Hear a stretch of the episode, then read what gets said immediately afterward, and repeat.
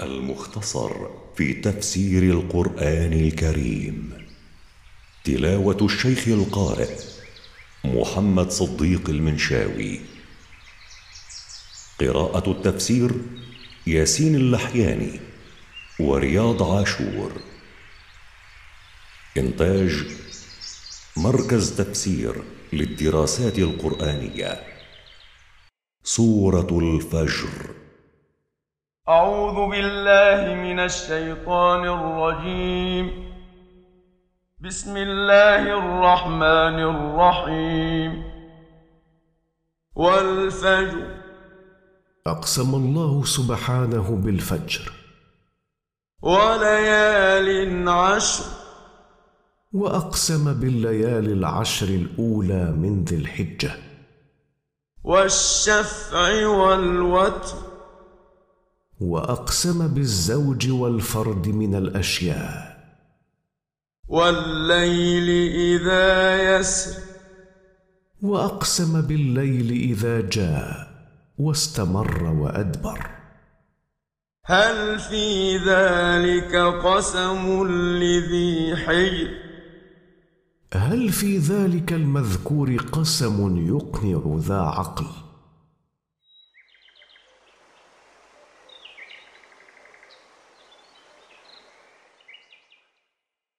ألم تر كيف فعل ربك بعاد؟ الم تر ايها الرسول كيف فعل ربك بعاد قوم هود لما كذبوا رسوله؟ إرم ذات العماد. عاد ارم ذات الطول.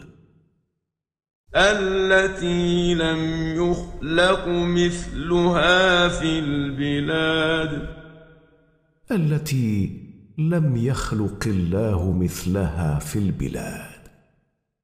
وثمود الذين جابوا الصخر بالواد. أولم تر كيف فعل ربك بثمود قوم صالح لما عقروا الناقة وعتوا؟ عن أمر ربهم. ثمود الذين شقوا صخور الجبال وجعلوا منها بيوتا بالحجر. وفرعون ذي الأوتاد. أولم تر كيف فعل ربك بفرعون الذي كانت له أوتاد يعذب بها الناس؟ الذين طغوا في البلاد. كل هؤلاء تجاوزوا الحد في الجبروت والظلم. كل تجاوزه في بلده. فأكثروا فيها الفساد. فأكثروا فيها الفساد بما نشروه من الكفر والمعاصي. فصب عليهم ربك سوط عذاب. فأذاقهم الله عذابه الشديد واستأصلهم من الأرض. إن ربك لبالمرصاد. إن ربك أيها الرسول ليرصد أعمال الناس ويراقبها ليجازي من أحسن بالجنة ومن أساء بالنار. فاما الانسان اذا ما ابتلاه ربه فاكرمه ونعمه فيقول ربي اكرمن ولما كانت الامم التي اهلكها الله منعما عليها بالقوه والمنعه بين أن الإنعام بذلك ليس دليلا على رضا الله عنهم فقال فأما الإنسان فمن طبعه أنه إذا اختبره ربه وأكرمه وأنعم عليه بالمال والأولاد والجاه ظن أن ذلك لكرامة له عند الله. فيقول ربي أكرمني لاستحقاقي لإكرامه.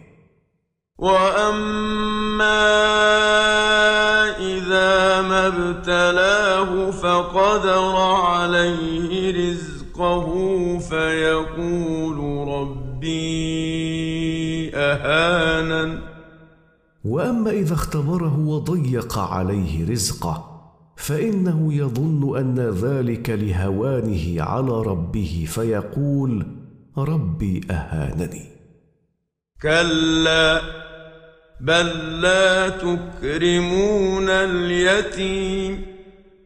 كلا ليس الأمر كما تصور هذا الإنسان من أن النعم دليل على رضا الله عن عبده وأن النقم دليل على هوان العبد عند ربه. بل الواقع أنكم لا تكرمون اليتيم مما أعطاكم الله من الرزق. ولا تحاضون على طعام المسكين.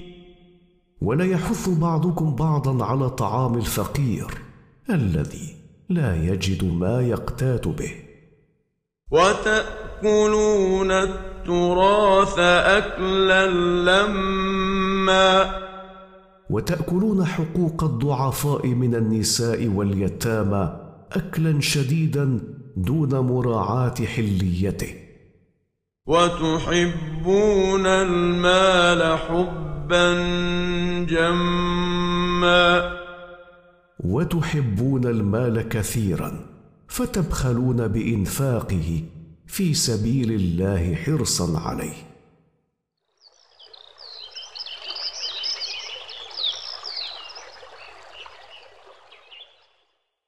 كلا إذا دكت الأرض دكا دكا.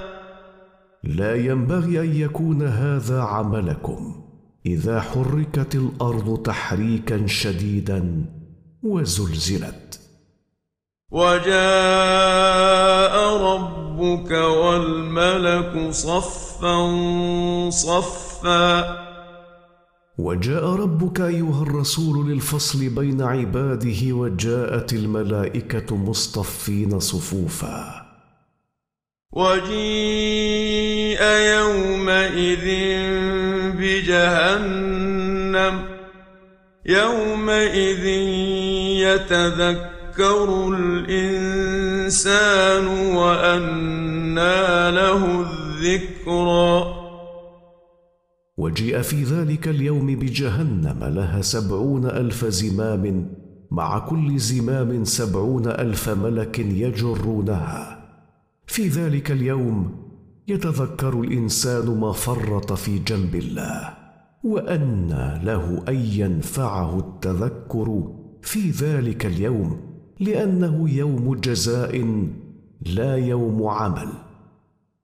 يقول يا ليتني قدمت لحياتي. يقول من شدة الندم يا ليتني قدمت الأعمال الصالحة لحياتي الأخروية التي هي الحياة الحقيقية. فيومئذ لا يعذب عذابه أحد. في ذلك اليوم لا يعذب أحد مثل عذاب الله لأن عذاب الله أشد وأبقى. ولا يوثق وثاقه أحد. ولا يوثق في السلاسل أحد مثل وثاقه للكافرين فيها.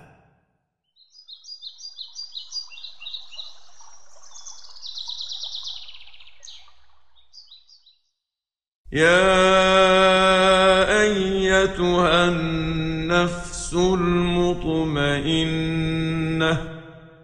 ولما ذكر الله جزاء الكفار ذكر جزاء المؤمنين فقال وأما نفس المؤمن فيقال لها عند الموت ويوم القيامة يا أيتها النفس المطمئنة إلى الإيمان والعمل الصالح. ارجعي إلى ربك راضية مرضية. ارجعي إلى ربك راضية عنه بما تنالين من الثواب الجزيل مرضية عنده سبحانه بما كان لك من عمل صالح. فادخلي في عبادي فادخلي في جملة عباد الصالحين. وادخلي جنتي. وادخلي معهم جنتي التي أعددتها لهم. إنتاج مركز تفسير للدراسات القرآنية.